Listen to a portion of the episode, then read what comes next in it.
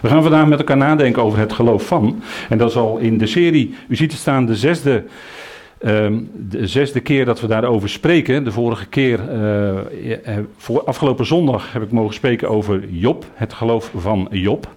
En nu wil ik met u stilstaan bij het geloof van Jezus Christus.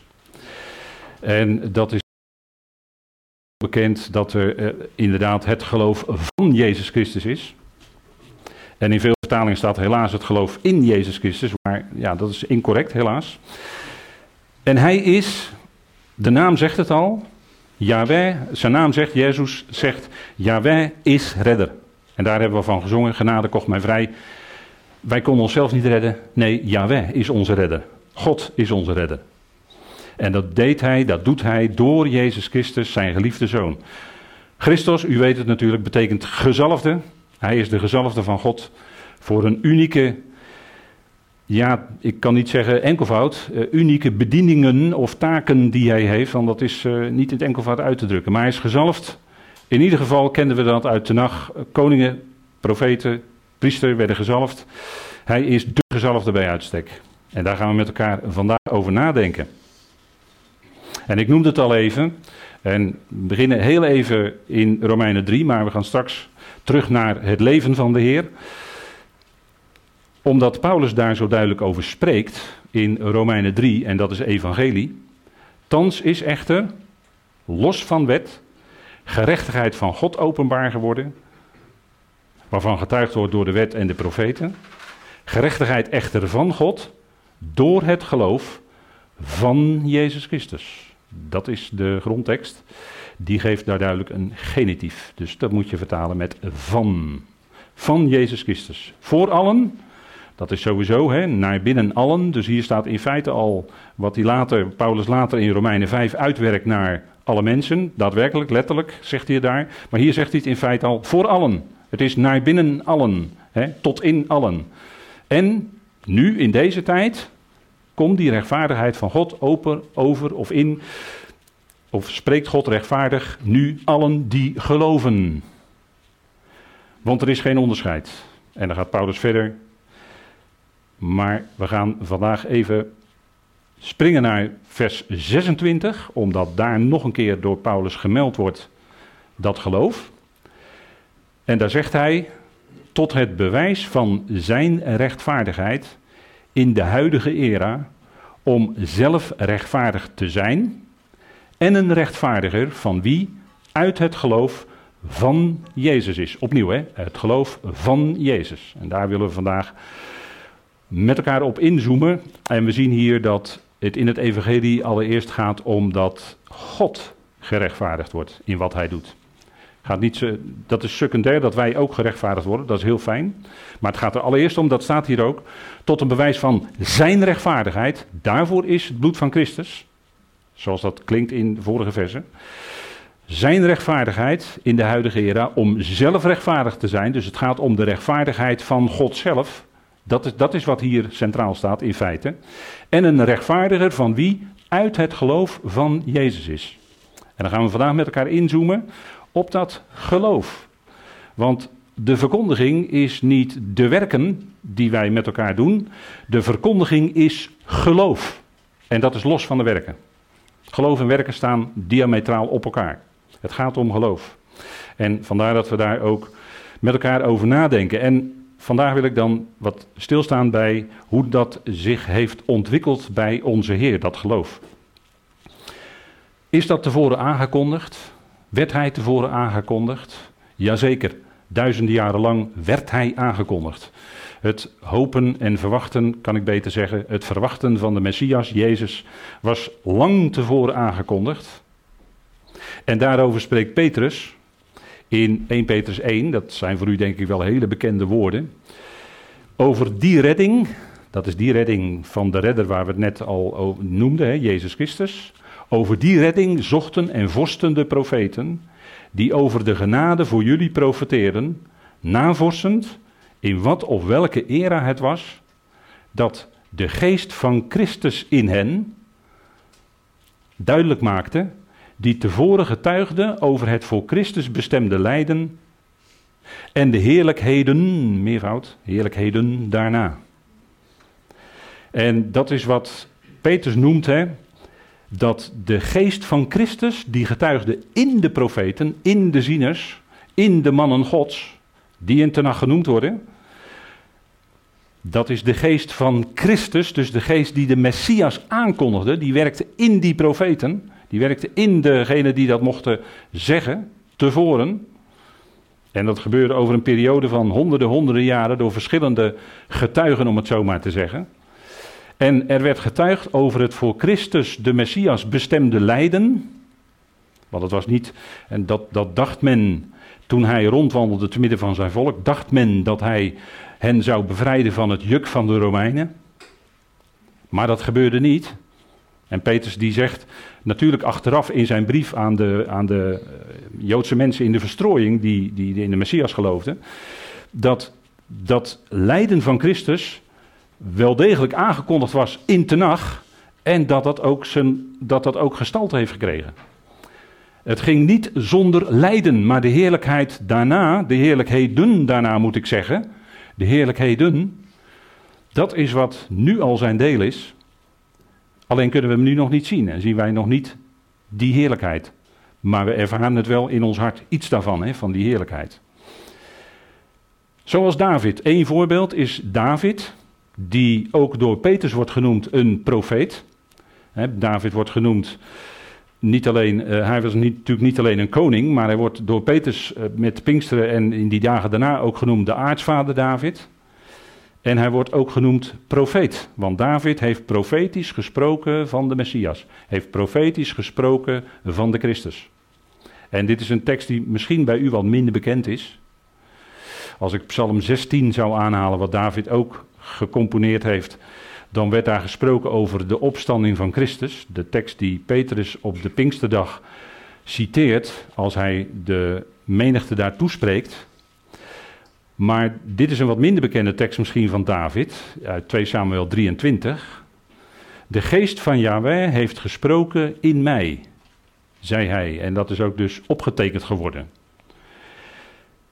En dan komt een stukje tussen, dat heb ik even overgeslagen vanwege de tijd.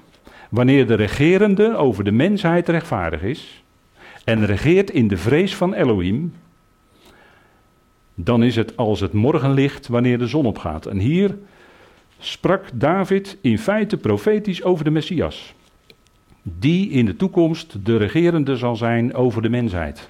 In een rechtvaardige regering, in een regering in gerechtigheid. Dat is nog toekomstmuziek, voor Israël, want nu is het nog oorlog en, en, en alle ellende die dat met zich meebrengt. En dat, ook dat is voorzegd in profetie natuurlijk. Maar dit gaat natuurlijk komen. Dit heeft David gecomponeerd over die periode die wij kennen als de komende duizend jaar. En natuurlijk ook in het verlengde daarvan daarna.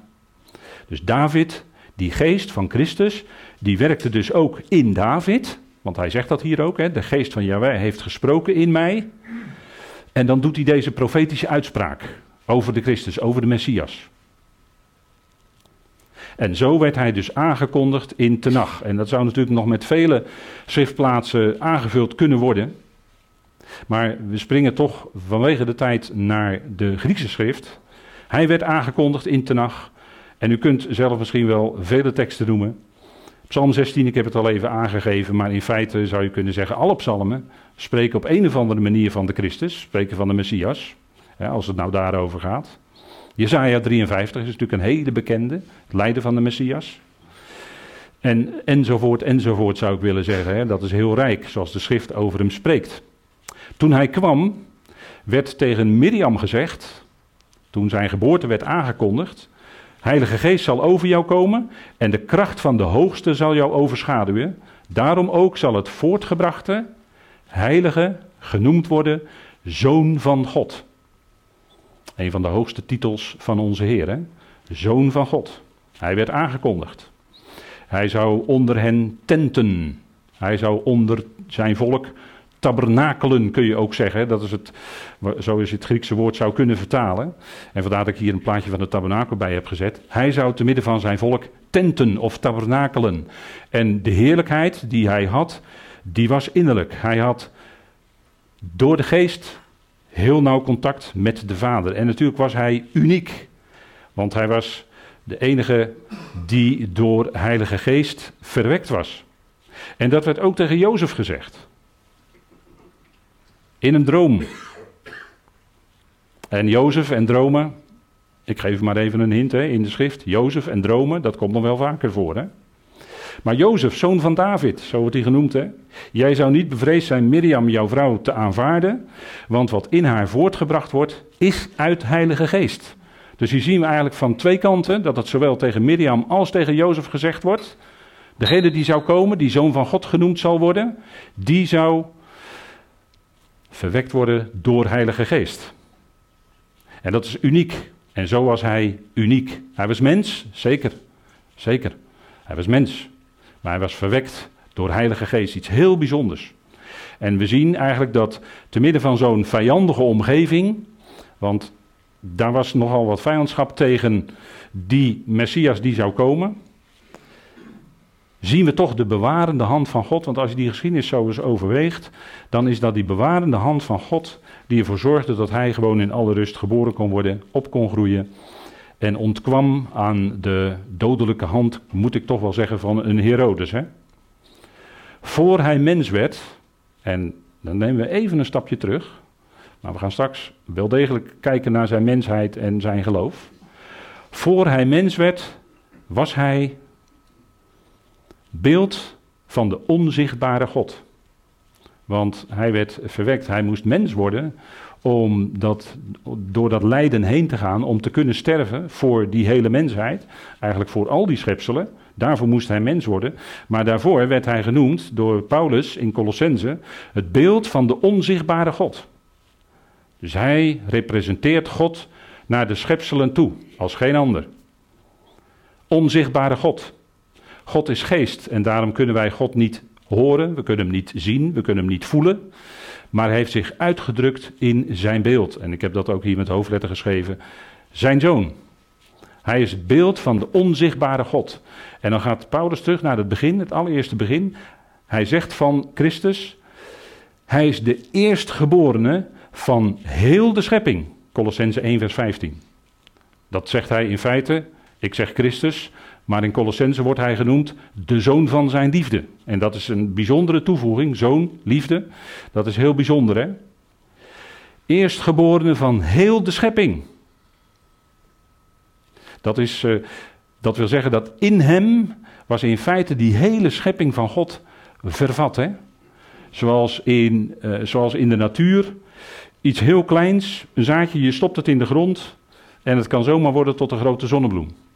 En dan denk je van nou, zo'n klein zaadje, hoe is het mogelijk? En dan zie je later zo'n zonnebloem. En dan denk je van nou, dat is nou, maar zoiets, hè, dat is een vergelijking. Zo zou je dat misschien mogen zien. Eerstgeboren van heel de schepping. Dus in hem, zegt Paulus daar ook in Colossens 1. In hem en door hem en tot hem is ook het al. En dat is echt alomvattend geschapen. Hij is de eerstgeborene van heel de schepping. En Filippenzen, en ik heb zomaar een paar grepen even voor u eruit genomen. Hij was in de vorm van God. En dat woord wat daar staat, dat woord vorm, dat heeft altijd te maken met iets wat de buitenkant is. Iets wat naar buiten toe iets laat zien. Dat woord vorm zegt niet iets over innerlijke heerlijkheid of innerlijke wezen of iets. Nee, het is juist de vorm, morphe in het Grieks, wil juist zeggen dat wat naar buiten toe gebracht wordt. Zo zegt uh, bijvoorbeeld de apostel Paulus als hij in de Timotheusbrief spreekt over de mensen, hoe zij zullen zijn in de eindtijd, in 2 Timotheus 3. Daar zegt hij van de mensen, en dat noemen we, dat heb ik de vorige keer toen ik hier sprak genoemd, het Christusloze christendom. Die hebben wel een vorm van Gods vrucht. Dat wil zeggen, er is wel vormendienst naar buiten toe, beelden en alles en, en gebouwen. Maar de innerlijke het, innerlijke, de geest, de heerlijkheid ontbreekt. Het is wel een vorm, maar het is, er is, er is, van binnen is leeg. is niks. Dat wil het woord vorm zeggen. En hier wordt dat woord ook gebruikt in deze tekst, in Filippenzen 2. Hij was, zegt Paulus, in de vorm van God. En er wordt niet alleen het woord zijn hier gebruikt, ik heb er TB bij gezet, dat wil zeggen, dat is een sterker woord, dat wil zeggen, het behoorde hem toe. Hij was Het was inherent aan hem dat hij in de vorm van God was. Zo'n sterk woord wordt er gebruikt. Niet alleen het gewone woord voor zijn in het Grieks. Dus dat wil ik toch even, even heel scherp hier inzoomen op de tekst. Hè? Hij was in de vorm van God en dan daarna gaat het natuurlijk dat hij zichzelf ontledigd heeft van die vorm van God en hij is mens geworden. Even in hele grote stappen gezegd. Hè? En hij werd mens en dat hebben we net met elkaar gezien. Het werd bij Miriam en bij Jozef werd het aangekondigd. Zijn geboorte. En dan is altijd de vraag, ja wanneer was dat? Want ja, eh, volgende maand, hè, december, dan viert de wereld weer de, de geboorte van Mitras. Hè? 25, 26 december, dat was de geboorte van Mitras. En dat is anders ingevuld geworden, is gechristianiseerd enzovoort. Ja, natuurlijk, die hele geschiedenis is bekend. Maar hij werd waarschijnlijk geboren, mogelijk. En ik, natuurlijk, daar is ook discussie over. Of het nou in april was, rondom het paasfeest. Of het nou in, bij Loofhutten was. Ja, daar is discussie over. Maar ik hou het voorlopig op Loofhutten. Dat is dan mijn idee als ik de schrift bestudeer. Het was in ieder geval wel een tijd van de grote feesten, want het was heel druk met veel mensen in Jeruzalem. En ze, ze konden geen plek vinden in, uh, waar, ze, waar ze hem konden neerleggen. Loofhuttentijd, september, oktober. En dat was, hij werd geboren in wat ze dan noemen een caravanserai. Dat is Karavanen trokken in het oosten, hè, karavanen met kamelen en ezels. En die konden dan rustplaatsen vinden. En dat noemen ze dan zo'n, u ziet het plaatje, caravanserij. Hè. Daar konden ze dan uh, men overnachten en de dieren konden daar dan eten en drinken. Enzovoort. Hij werd geboren in Bethlehem. Een klein plaatsje, onooglijk. Je zou verwachten Jeruzalem. Je zou verwachten uh, andere, een andere grote stad. Nee, Bethlehem, klein. En de naam zegt het natuurlijk al. Hè? prachtige, ik vind het altijd prachtig. Beetlechem, dat, oh sorry. Beetlechem, dat is broodhuis, het huis van het brood. Daar werd hij geboren. Ja, hoe tekenend kan het zijn, hè? Hij is, uh, hij is zelf het brood van het leven. Dat zei hij van zichzelf. Ik ben. Dat zijn allemaal van die prachtige ik ben uitspraken. Ik ben het brood van het leven. Dat we zeggen, wil je werkelijk leven? Ja, dan kun je natuurlijk dat gewone brood nemen. Maar wil je werkelijk leven? Dan moet je, zegt de Heer Jezus, moet je van mij eten. Want ik ben het brood van het leven. Wie van mij eten drinkt, die krijgt nooit meer honger, geestelijk gezien. Krijgt nooit meer dorst, want die heeft dat gevonden. Geboren in Beet-Lechem. En het is ook een plaats met een historie, hè? Een plaats met een historie natuurlijk, Rachel en noem maar op. En het ging van Beetlechem, waar hij geboren werd, naar Nazareth. Ook zo'n plaats waarvan gezegd werd, ach, kan er uit Nazareth, uh, u weet het wel uit Johannes, kan er uit Nazareth iets goeds komen? Want Nazareth lag daar in het Galilea, een beetje meer in het noorden. En uh, stond daar, die, die streek stond daarom bekend dat de mensen daar collaboreerden met uh, de Romeinen.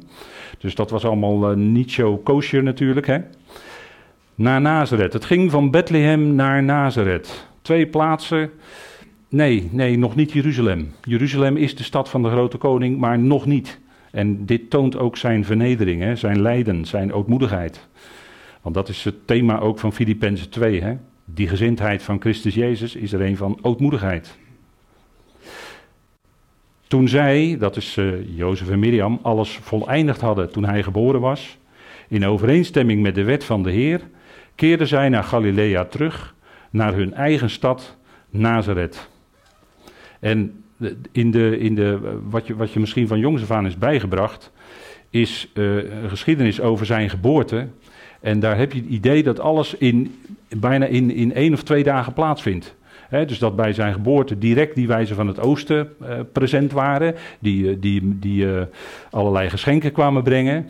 Dat, nou noem maar op, he, al die gebeurtenissen. Je zou denken dat het in een paar dagen gebeurt. Dat is helemaal niet waar. Dat is helemaal niet waar. Hij werd geboren in Bethlehem. En daar was lofzang. Daar waren boodschappers die zongen de lof. Hè, zij God. En dat moest ook zo zijn natuurlijk. Hè. Hij zou tot eer van God zijn. Maar niet op de manier zoals men in Israël meende. Als men in Israël dacht. En dat is misschien nu ook wel de gedachte dat ja. Proberen jezelf te bevrijden. Proberen jezelf te handhaven. Proberen jezelf te verlossen. Nee, ze zullen straks roepen om hun redder, om hun verlosser. En dan zal die er ook zijn, Israël. Ja, zeker. Israël zal absoluut niet vernietigd worden. Absoluut niet. Het is Gods volk. Het is zijn oogappel. Hij zal het nooit loslaten. Het is zijn volk. Maar nu proberen ze nog op eigen manier, op, in eigen hand, de dingen in eigen hand te houden, te, te vertrouwen op hun eigen slagkracht. En toen de tijd was, was dat ook, zat dat heel erg ook binnen, eh, met name de leiders van het Joodse volk. Ze hadden wat deeltjes gesloten met de Romeinen van, eh, nou we gooien het hier en daar wel op een akkoordje en hebben wij het goed, kunnen wij onze positie handhaven als Sanhedrin zijnde enzovoort. Nee, hij moest eerst door een weg van vernedering, van lijden heen gaan. Hij ging naar hun eigen stad, Nazareth. En daarom werd hij ook Nazarener genoemd. Hè? Jezus de Nazarener. Klinkt zo verschillende keren in de schrift. Hè? Duidt ook op zijn vernedering hoor.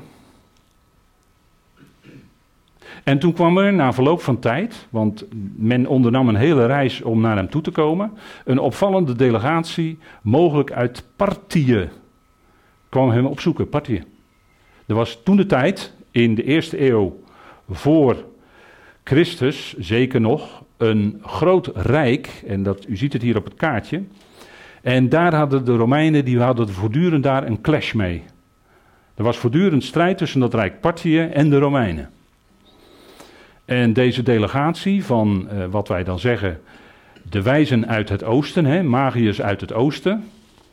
Een opvallende delegatie kwam juist om hem op te zoeken. En dat veroorzaakte opschudding, dat veroorzaakte oproer. Herodes, die hoorde, hé, hey, de koning van de Joden is geboren. Maar wacht even, dacht Herodes, ik ben de koning van de Joden. Hij was Herodes de Grote en hij had het ook heel hoog in de bol. Ik ben Herodes de Grote, ik ben de koning van de Joden. Wat zullen we nou krijgen? Zij kwamen uit het oosten en dat was een hele reis, want we weten niet precies van waar ze kwamen, maar ze kwamen in ieder geval uit het oosten. En dat ging toen de tijd, u ziet het allemaal op kamelen en met ezels, een hele delegatie. dat waren niet zomaar drie, drie mensen. Uh, hoe worden ze altijd genoemd? Caspar, Beltesar en Melchior, geloof ik.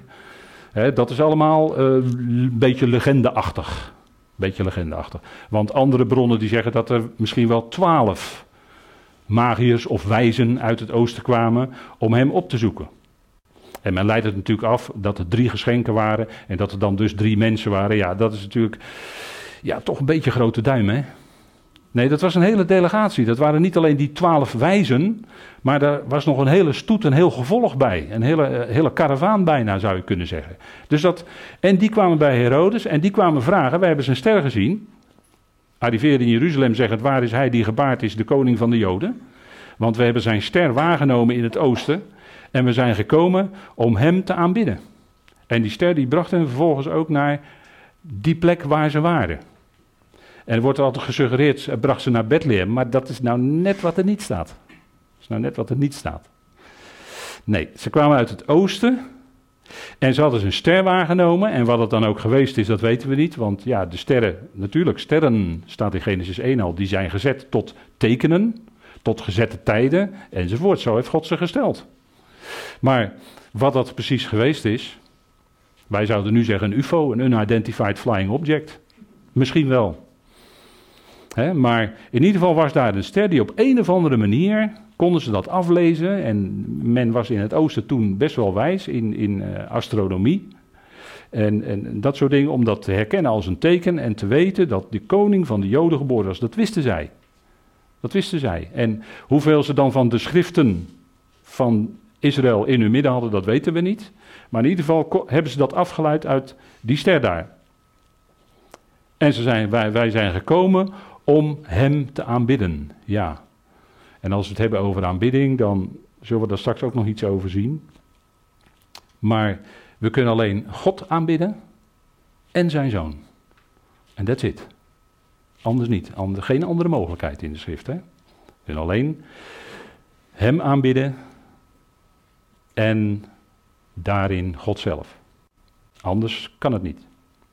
En dat is wat die wijzen, ze waren inderdaad wijs, magiërs, hè, wat ze wilden doen. Ze wilden hem aanbidden. En wat zei de profeet over Bethlehem? Want ze kwamen bij Herodes en toen informeerden ze van waar is die koning van de Joden dan geboren? Wat zei die profeet over Bethlehem, Bethlehem? De Joden verwijzen magiërs naar Bethlehem. Want uh, stond in Micha 5, uh, Micha 5 vers 2. En jij, Bethlehem Efrata, al ben je klein om te zijn onder de mentoren van Juda, of de duizenden, wordt ook gelezen, de duizenden van Juda. Uit jou zal mij voortkomen om te worden heerser in Israël. Zijn oorsprongen zijn van oudsher van eonische dagen af. En u ziet het, ik heb het hier wat concordant aangepast, vertaald. En zijn oorsprongen, dat zijn meerdere keren, dat wijst op meerdere keren dat hij naar voren kwam, dat hij naar voren werd gebracht in Gods plan. En die zijn van oudsher zelfs van eonische dagen af, hè? Van, vanaf, het, eh, vanaf het allereerste tijden af. Zijn zijn oorsprongen bekend. En uit Juda zal voortkomen degene die zal zijn heerser in Israël, want hij stamde van de lijn van David af. We, gaan straks ook weer even naar Matthäus. Maar Matthäus begint natuurlijk met dat de geboorte van Jezus Christus daar was, of de wording. En hij wordt daar genoemd, en dat is de eerste statement van de Griekse schrift, als je die opslaat. Hij is de zoon van David en hij is de zoon van Abraham. Die twee. Matthäus 1, vers 1. Hè? En dan zijn dat, worden de geslachtslijn uit, uitgeteld, drie keer veertien geslachten, vanaf tot aan de Messias, tot aan dat Jezus zou komen. Kwam, daadwerkelijk, Jezus en de veertiende, Jezus Christus. Hij is, of zal blijken te zijn, werkelijk, maar hij is dat ook. Hij is de zoon van David, hij is de zoon van Abraham, hij is de zoon van God, hij is de zoon van Adam, want zo wordt hij in Lucas vaak genoemd, de zoon des mensen, hè, de zoon van Adam. Dat zijn allemaal titels van onze Heer. Dat is hij allemaal. En dat is eigenlijk alomvattend. Hè? En gekomen in het huis. Dus ze kwamen niet in de caravanserij, want dat is een ander woord. Maar ze kwamen in het huis. Want zij waren al een tijdje terug in Nazareth. En die ster die verwees hun naar de plek waar zij waren. Ze waren daar in dat huis in Nazareth. Want ze hadden er waarschijnlijk wel een paar maanden over gedaan om in Israël te kunnen komen. Dus de Heer was al lang niet meer met Jozef en Maria in Bethlehem. Nee, hij was al lang terug in Nazareth. En daar kwamen zij. En zo wordt natuurlijk altijd voorgesteld, hè, prachtig met, de met een kerststalletje en dan die wijze erbij. Alsof het allemaal in dezelfde nacht gebeurt. Dat is helemaal niet waar. Dat is allemaal grote duimenwerk. Gekomen in het huis namen zij het kind waar met Mirjam zijn moeder. Ja, en dan kun je maar één ding doen als je weet dat hij het is. Dan kun je maar één ding doen, dus op je knieën vallen en hem aanbidden. Toch? Hij, die grote Heer. Als hij, hè, dat probeer je wel eens voor te stellen, maar dat is niet zo. Hij komt niet hier op aarde, maar wij worden naar hem toegetrokken straks. En als we dan bij hem zijn, dan zullen we maar één ding kunnen doen. Dat is op je knieën vallen en hem aanbidden, toch? Dat is toch wat je als mens dan, als gelovige dan doet. Zij aanbaden zij het en hun schatten geopend hebben, brachten zij naderingsgaven naar het kind toe. Goud, wierook en mirre, naderingsgaven, ja, dat is, uh, dat is, uh, dat, daar zit onder, dat is natuurlijk een Grieks woord hier, maar daar zit onder het Hebreeuwse keref, hè, uh, korban, naderen. De Israëliet mocht naderen tot Yahweh als hij een korban bracht, een naderingsgave. Maar hier hebben we het over de naderingsgave die God zelf in het midden van de mensen plaatste, onze Heer. Dus niet de mens gaf de naderingsgave aan God om naar hem toe te komen, nee, het is genade. God gaf zelf in zijn zoon die naderingsgave aan ons als mensen. En hij is redder. En hij redt allemaal, hij redt iedereen. Goud, wierook en mirre, u ziet het staan, hè? goud is koningschap. Wierook is altijd een beeld van aanbidding in de schrift. En mirre, dat heeft te maken met lijden, met bitterheid, wat ook in zijn leven natuurlijk zou kenmerken. Het lijden.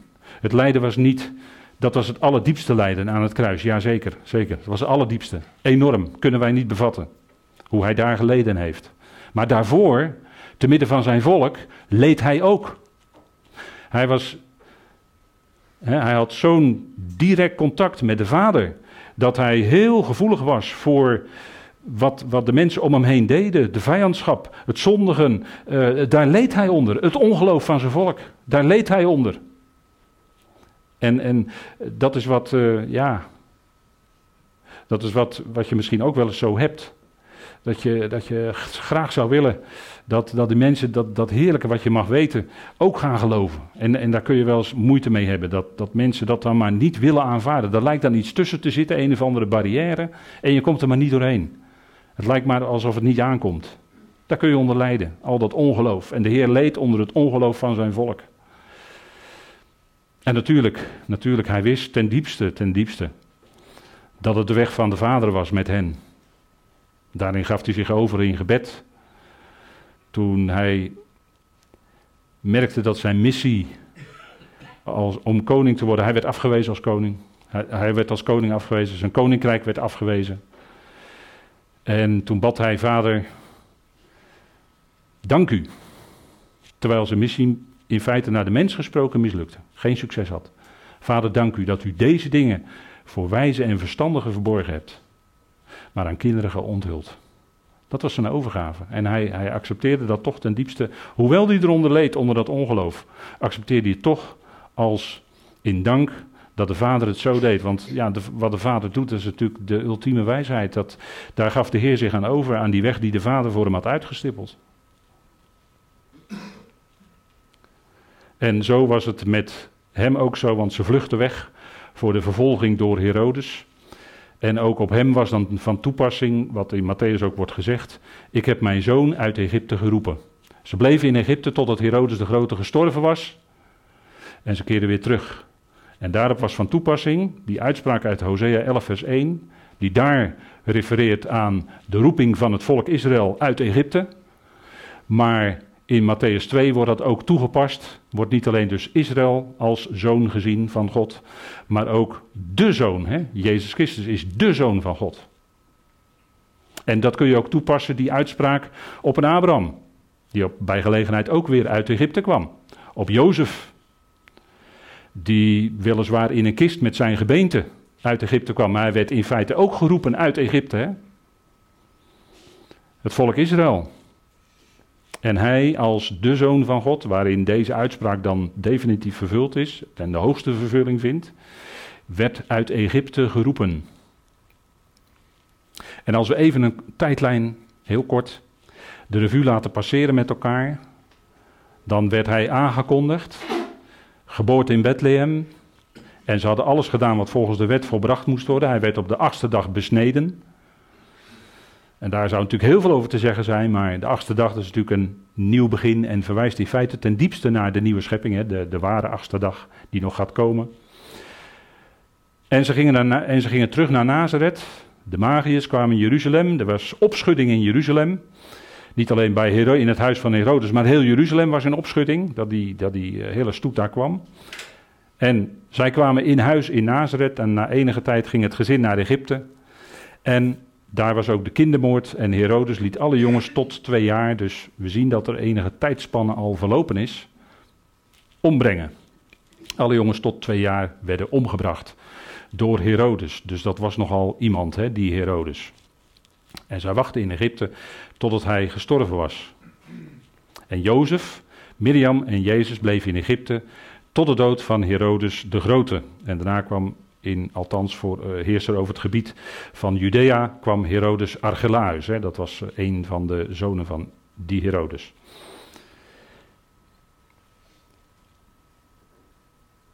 Het kind nu groeide op en was standvastig van geest, vervuld van wijsheid en de genade van God was op hem. Want Jozef en Miriam die zullen hem van jongs af aan vertrouwd hebben gemaakt met de heilige schriften. Zoals we dat ook zo mooi lezen van een Timotheus die door uh, zijn grootmoeder Lois en zijn moeder Eunike opgegroeid was met de heilige schriften. En zo gold dat natuurlijk ook voor de Heer. Jozef en Mirjam, die zullen hem grootgebracht hebben met Torah. Dat, uh, zoals het nu nog steeds gebeurt. Hè? In, althans in orthodoxe, liberale gezinnen ook nog wel misschien, maar orthodoxe met name, worden ze van jongs af aan, leren ze Hebreeuws en worden ze groot, grootgebracht met Torah, met de onderwijzing van God. En hij ging dat, hij, hij, hij dronk dat in. En de genade van God staat er ook zo mooi, hè? De genade van God was op hem. Hij kon, hij kon die schriften gaan verstaan. En ook kon gaan ontdekken dat die schriften op hem zelf betrekking hadden. Dat heeft hij natuurlijk gaandeweg steeds dieper en steeds meer ontdekt. In al die jaren. En op zijn twaalfde, toen uh, was hij zoek. Ze gingen ter gelegenheid van een feest, gingen ze naar Jeruzalem, het paasgaan. En toen was hij twaalf en ja, dan is het natuurlijk bar mitzwa. Dan word je zoon van de mitzwot of uh, de mitzwa. En dat is uh, nog steeds zo. We hebben dat wel eens gezien in Jeruzalem op het, uh, op het plein bij de klaagmuur. De bar mitzwa. En dan is dat een geweldig gebeuren. Er wordt veel vreugde gemaakt. Torah rollen. Worden snoepjes gegooid enzovoort. Hè, het zoete van de Torah. Beeldt dat natuurlijk uit. De twaalfjarige Jezus. Maar waar vonden ze hem? in gesprek met de leraren van Israël. Twaalf jaar notabene. Dan zeggen we nou, je komt nog net kijken. Je kan eh, beter gaan volleyballen of voetballen op die leeftijd. Maar hij was toch bezig, er was iets bijzonders. Hij was toch bezig met die schrift. En hij zei tegen haar, tegen zijn moeder: Waarom is het dat jullie mij zochten? Weten jullie niet dat ik te midden van de dingen van mijn vader moet zijn? Hij was daar in de omgeving van de tempel in gesprek met die leraren. En ze stonden al versteld over wat hij hen vroeg. Dus zo was dat geloof al in hem uh, gegeven door die geest. Dat hij doorzag wat die schriften bedoelden. Dat ze ja, misschien wel op hem betrekking hadden en allerlei vragen stelden. Zoals hij ze later ook wel stelde hè, van, uh, aan, aan, de, aan de schriftgeleerden. Hè. Zo zou je dat voor kunnen stellen. Maar dat was op, op, toen de Heer in zijn bediening was. Als, uh, als David nou hem zijn Heer noemt, hoe kan hij dan tegelijkertijd zijn zoon zijn? Uit Psalm 110. Alsjeblieft, daar hadden ze geen antwoord op. Dat is wat.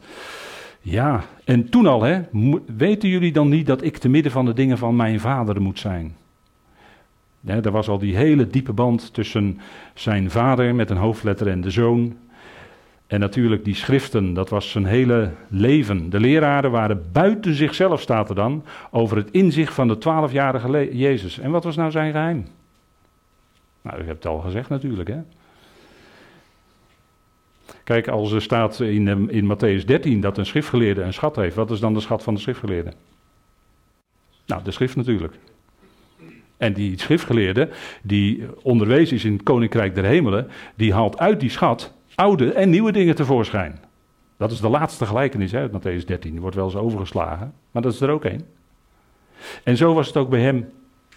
Zijn geheim was dit. En als je Psalm 119 leest, dan zou ik aan u willen vragen: over wie gaat dat? Als je dit leest, over wie gaat dat? Gaat over de Heer. Wie kon dat anders zeggen dan, dan hij, op die manier? Hoe lief heb ik uw onderwijzing, uw Torah? Wordt meestal met wet vertaald. Maar hoe lief heb ik uw onderwijzing? De hele dag is die mijn overdenking. Al die woorden die gingen. En was misschien met zijn handen met allerlei andere dingen bezig. Of moest uh, pa of moe helpen of wat dan ook. Maar in, innerlijk gingen die woorden door zijn gedachten, door zijn hart. Was hij daar voortdurend mee bezig. Heel de dag is die mijn overdenking. Uw geboden maken mij wijzer dan mijn vijanden. Want ze zijn bij mij voor de eon. Le Olam staat er dan natuurlijk, maar de eon vertalen we dan. Ik heb inzicht verkregen meer dan al mijn leraren, want uw getuigenissen zijn mijn overdenking. En twaalf jaar, de leraren stonden al versteld. En die waren al hun leven lang doorkneed in tenag. Notabene. Maar hij kon ze vragen stellen en dat is, dat is precies wat hier staat. Dat is bewaarheid, werd dat in zijn leven. Ik heb meer dan al mijn leraren inzicht verkregen. En dat is wat, wat God hem gaf. Zo'n diep inzicht in die schriften. En daar, dat leefde hij ook. Dat, dat geloofde hij volledig, volkomen. En wij hebben misschien, misschien wel eens de gedachte, zoals ooit uh, die, die uh, hoofdman, uh, die hoofdman ook had. Ik meen dat het een hoofdman was die bij de Heer kwam. Heer, ik, ik geloof, maar help mij Heer in mijn ongeloof. Zo, hè? En dat zeggen wij misschien ook wel eens. Ik geloof, maar er zijn nu zoveel omstandigheden in mijn leven. Ik weet het even niet meer. Kan. Dat komt omdat je zwak bent als mens. En dan is dat geloof is er wel.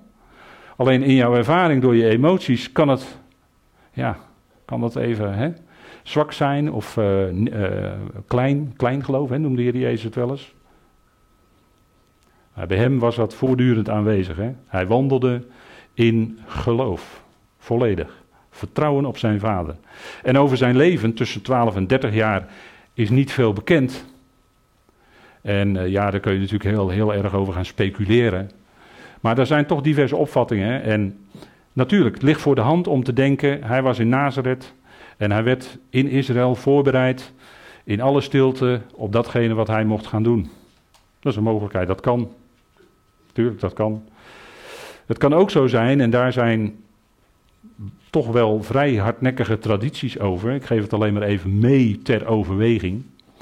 En ene dominee van Mil, die heeft daar eens een boekje over geschreven. En dat, als je dat leest, is toch wel, ja, dan is, lijkt het misschien te kunnen dat uh, de Heer samen met oom Jozef, en wie is dat? Dat is Jozef van Arimathea, dat was een hele rijke man, een hele invloedrijke man. En die uh, zat in de tinhandel en die tin die kwam uit Engeland, kwam uit Groot-Brittannië. Dus er zijn heel veel sporen in Engeland, in Groot-Brittannië terug te vinden. Dat men zegt, men beweert daar heel hardnekkig, dat is een heel hardnekkige traditie, dat Jozef van Arimathea en ook Jezus zelf, de Heer Jezus zelf, in Engeland zou zijn geweest. Is een mogelijkheid, ik geef het u maar mee ter overweging.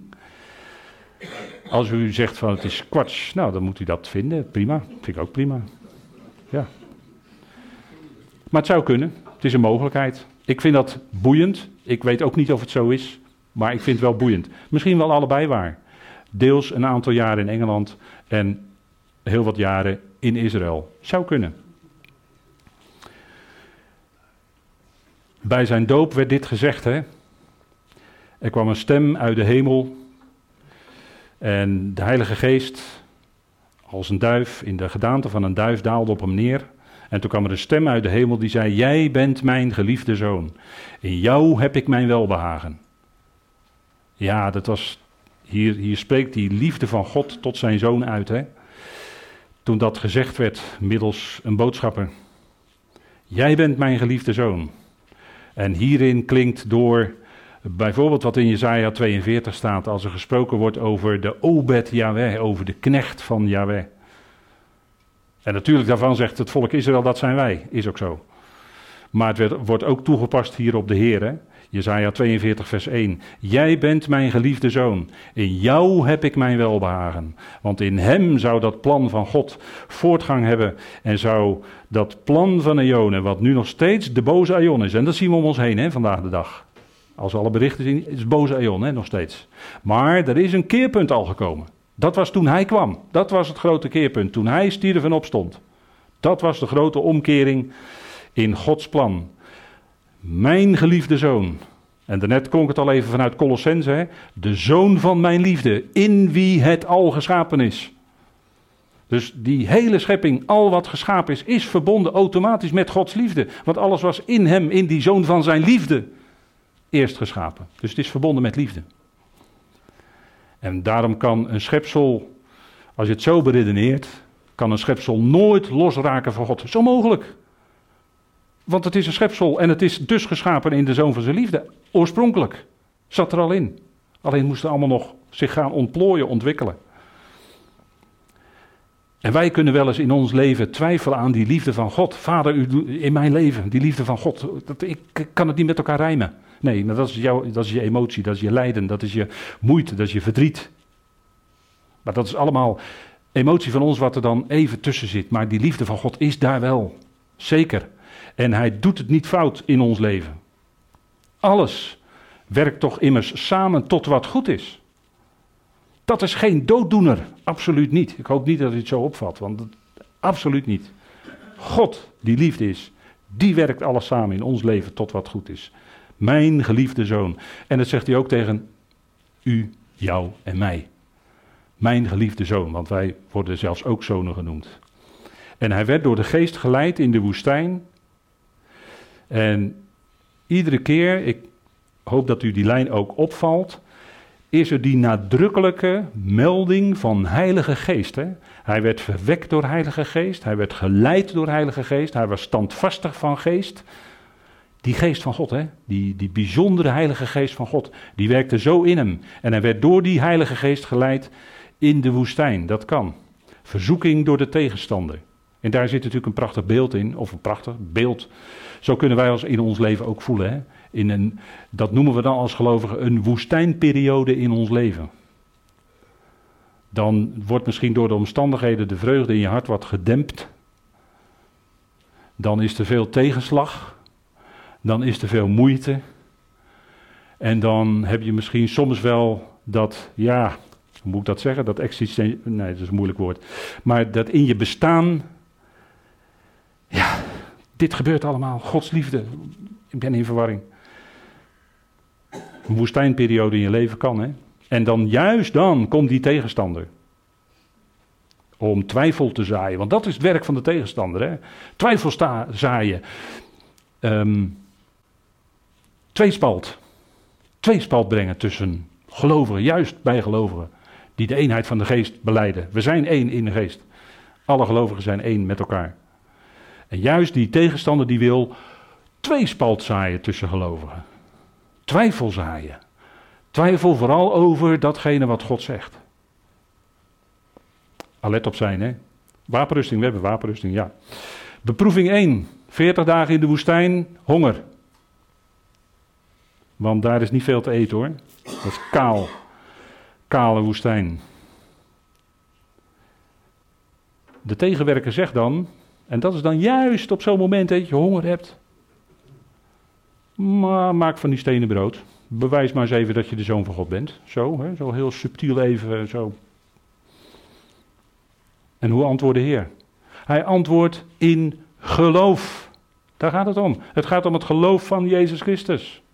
Hij antwoordt in geloof, er staat geschreven. We gaan uiteindelijk toch niet op onze gevoelens af. We blijven toch niet hangen in onze emoties. Uiteindelijk. Nee, er staat geschreven. God zal zijn woord waarmaken. En hij vertrouwt op God alleen. En de mens leeft niet van brood alleen, maar van elk woord dat uit de mond van God komt. Hele goede misleidingsmethode, hè? Heel goede misleidingsmethode. Geef de mensen brood en spelen, leid ze af en ondertussen gaan wij onze gang wel. Dat is volop aan de gang in deze wereld natuurlijk. Hè? Maar de Heer wijst hier natuurlijk de juiste weg. Het gaat om elk woord dat uit de mond van God komt. En dat was bij de Heer volle 100% werkelijkheid. Hè? Vanaf jongs af aan was hij vertrouwd met die schriften. Hij leefde op dat woord en hij citeert hier dan ook Deuteronomium. Dat woord, er staat geschreven. De mens leeft niet van brood alleen. We refereren daar Mozes aan het manna. Hè? Hij gaf u brood uit de hemel. Jullie mopperden wel, jullie murmureerden wel in de woestijn, Israël. Maar hij gaf jullie brood uit de hemel. Hij gaf jullie het manna. En hij was zelf in persoon het manna wat van God kwam. Als vervulling van dat prachtige beeld, hè, die woestijnreis. Wij leven op elk woord dat uit de mond van God komt. We leven op het woord. En ik denk naarmate je ouder wordt, dat het misschien wel steeds sterker wordt. Je leeft op het woord. Verzoeking 2, of beproeving 2. De tegenwerker neemt hem mee naar de vleugel van de gewijde plaats. En die zegt: spring naar beneden. dan springt, zou die zo het dal Kidron inspringen in die tijd. En God zal boodschappers sturen tot redding. Want staat er niet geschreven, Psalm 91, de tegenstander kende ook de schrift. Staat er niet geschreven dat hij boodschappers zal sturen en dat hij je dan zal ondersteunen. Dat wordt aan Israël natuurlijk beloofd. Maar de Heer zou dat zo kunnen toepassen. Dat was een misleiding. Maar de Heer die was zo diep doorkneed in die schriften. En dat geloof, dat komt zo sterk naar voren, ook hier weer. Hè? Hij antwoordt opnieuw. En gaat dus niet van zijn weg af door God een wonder te laten doen. Want dat zou God beproeven zijn. Hè?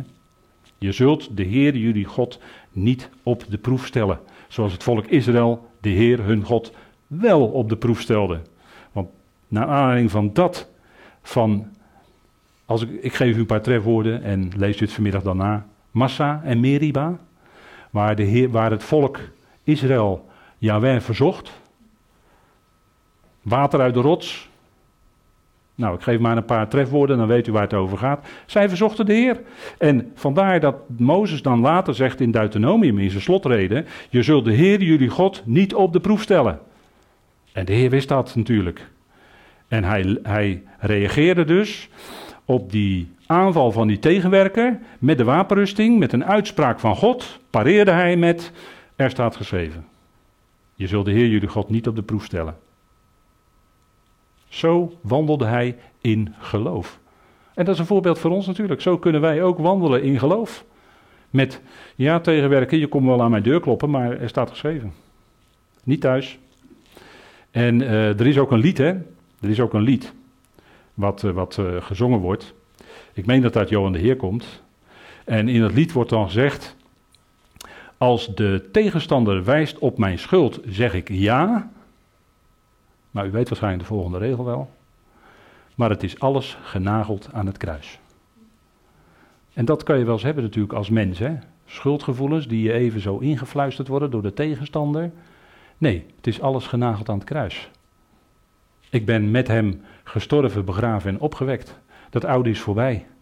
En zelfs als we beseffen dat God ons in Christus aanziet, dan mogen we zelf zeggen dat God ons niet langer als zondaren ziet. Nee, hij ziet ons als zijn zonen. Ja, dat is geweldig. En zo kun je antwoorden met die tegenstander pareren met nee, er staat geschreven. Ik ga niet op mijn gevoel af, ik ga niet op mijn gepieker af, ik ga niet op mijn gevroet in mezelf af. Nee, nee, nee. Er staat geschreven. En dat is wat uiteindelijk dan sluitend is. Met al je emoties die je natuurlijk als mens hebt, met verdriet, met tranen en noem alles maar op. Natuurlijk, je bent mens. Maar toch, uiteindelijk, er staat geschreven. Dat is. En het tegenwerken toont hem dan even alle koninkrijken van de aarde. En die waren kennelijk eh, onder zijn eh, beslag, hè? kennelijk.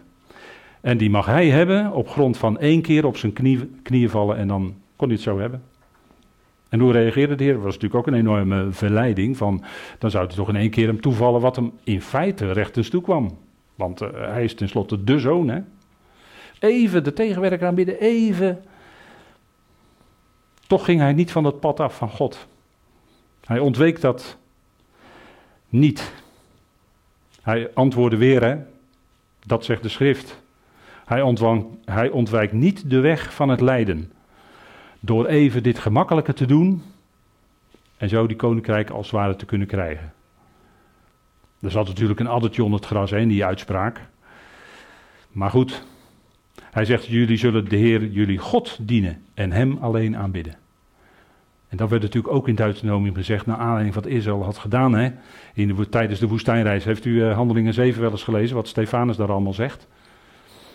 Dat ze Romfa aanbaden en de sterren enzovoort. Hè? Dat is allemaal tijdens die woestijnreis. Afgoderij. Baal Peor. Nou. Klinkt misschien een beetje vreemd als ik dat zo zeg. Baal Peor. Nou. Op grond van dat soort zaken zegt Mozes dan in Deuteronomium: Jullie zullen de Heer, jullie God dienen en Hem alleen aanbidden. Dat was ook meegegeven in Torah op de Sinaï. Geen andere goden voor mijn aangezicht. Geen gesneden beeld maken. Waarom? Het beeld was er al. Zijn eigen zoon. Daarom mochten ze geen gesneden beeld maken. Want alles is, al het andere is nul waarde. Jullie zullen de Heer, jullie God dienen en Hem alleen aanbidden. En dat is wat het geloof van onze Heer bleek hè, tijdens zijn rondwandeling met die eerste de beste verzoeking. Enorme beproeving. Door de tegenstander zelf, rechtstreeks.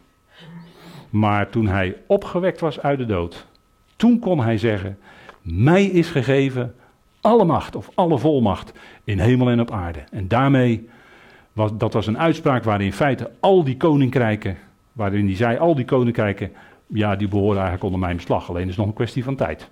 En zal hij straks zijn de steen uit Daniel, weet u wel. Maar jullie zullen de Heere God dienen en Hem alleen aanbidden. dat is wat het geloof van onze Heer uitwerkte zo in die praktijk, met die tegenstander. Amen, tot zover van vandaag.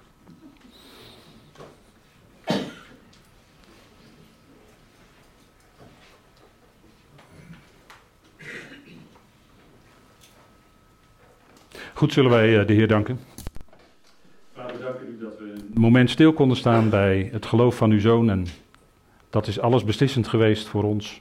We danken u dat het zo heeft plaatsgevonden zoals uw schriften dat vermelden. En dat we daaruit mogen leven. Vader, dank u wel dat ook wij leven in geloof en niet in wat wij met onze ogen waarnemen. Maar blind varen op wat u zegt. En zo stap voor stap in geloof die weggaan die u voor ons, ook voor ieder ons persoonlijk leven heeft bepaald. Vader, dank u wel dat u meegaat in die weg en dat het uw liefde is die altijd ons omringt, in ons hart is. En zo elkaar kunnen zien, ontmoeten in Hem. Vader, dank u wel voor dat geloof. Dank u wel dat u zo ons steeds weer uit uw woord laat zien wat de wezenlijke dingen zijn voor ons. We danken u dat wij ook zo mogen leven in geloof en dat u ons vasthoudt. Vader, dank u wel. Ook voor dit moment wat u wilde geven. Wilt u het zelf verder uitwerken in ons leven? Dat ons leven in alle trekken mag zijn tot eer van uw naam. Dat we u alleen dienen en aanbidden. Vader, dank u wel dat we zo in die genade van u kunnen staan, kunnen leven. We danken u daarvoor in de machtige naam van uw geliefde Zoon, onze Heer Christus Jezus. Amen. Goed, ik stel voor dat wij tot slot nog een lied zingen. En misschien kunnen we dat even staande doen als u dat wil. En anders blijft u zitten. Dat is ook prima. God en God alleen.